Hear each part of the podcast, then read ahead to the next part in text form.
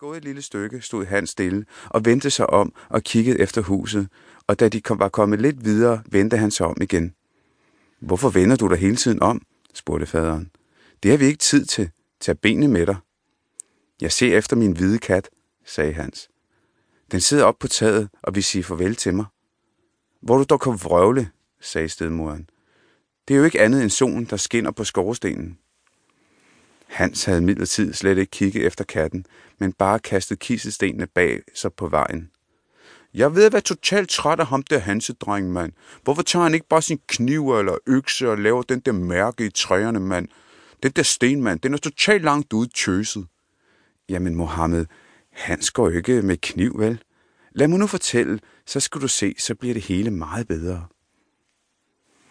Da de var kommet dybt ind i skoven, sagde faderen, kan I nu samle brænde, lille børn, så tænder jeg ild, for at I ikke skal fryse.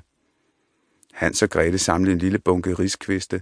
Faderen stak ild på det, og da de var kommet godt i brand, sagde stedmoderen, Sæt jer så ned ved ilden og hvil jer, mens vi går ind i skoven og hugger branden. Når vi er færdige, kommer vi igen og henter jer. Hans og Grete satte sig ved ilden, og ved middagstid spiste de deres tørre brød. De kunne høre slagene fra en økse, og troede derfor, at faderen var i nærheden. Men lyden kom kun af, at han havde bundet en gren fast ved et træ, og nu slog vinden den mod stammen. Shit, mand, jeg får rimelig nøje af den der syge gren. Mohammed, shh, stille, så fortsætter jeg. Til sidst blev de søvnige og faldt også i søvn, og da de vågnede, var det allerede mørk nat.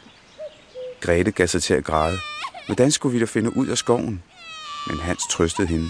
Vent bare til månen kommer frem, sagde han. Så skal vi nok finde vejen hjem. Og da månen var stået op, tog han sin søster i hånden, og de lysende kiselsten viste ham vej. De gik hele natten, og først om morgenen nåede de deres faders hus.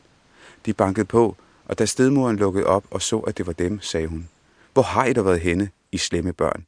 Vi troede slet ikke, I ville komme hjem igen. Men faderen blev glad, da han så dem, for han havde haft samvittighedsnag, fordi han havde lavet dem blive alene tilbage i skoven.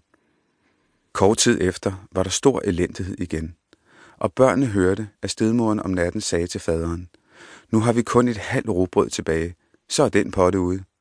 Hvis børnene ikke kommer af vejen, er vi fortabte alle sammen. Vi må bringe dem endnu længere ind i skoven, så de ikke kan finde hjem. Åh oh, nej, mand. Ikke det shit igen med maden og hende kælling. Nu må du holde ud, Mohammed, og lyt nu godt efter, for det er et ret tankevækkende eventyr. Tal du dansk, mand. Den der tankevækkende. Du ved den der lange ord, du lige sagde til mig. Du skal ikke spille smart til mig, vel? Det var på ingen måde øh, mening at krænke dig, Mohammed. Tankevækkende betyder bare, at historien sætter tanker i gang. Den vækker tankerne ikke. Lyt nu godt efter, for det er et klassisk eventyr, og hvis du lige er sød at ti helt stille. Klart nok, men slap bag med den der lange ord. Jeg, jeg bliver svimmel af lange ord, mand. Det er også svært det hele, men lyt nu. Det gjorde manden meget ondt, og han tænkte, det var smukkere at dele sin sidste mundfuld med sine børn. Men konen brød sig aldeles ikke om, hvad han sagde. Når man har sagt A, må man også sige B, og da han havde givet efter første gang, måtte han også bøje sig nu. Børnene havde midlertid igen ligget vågne og havde hørt det hele.